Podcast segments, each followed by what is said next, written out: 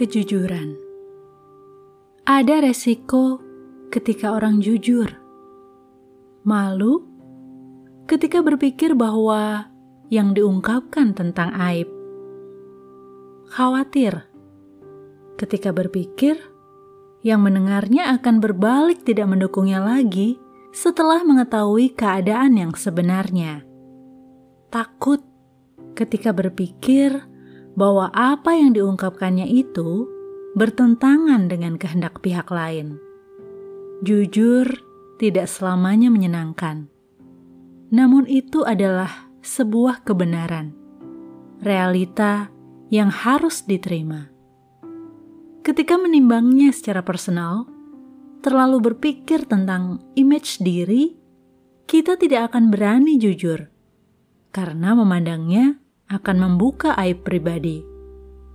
Sebaliknya, ketika terlalu memikirkan kepentingan kelompok atau golongan tertentu, kita takut akan dimusuhi. Jujur harus bebas dari rasa takut.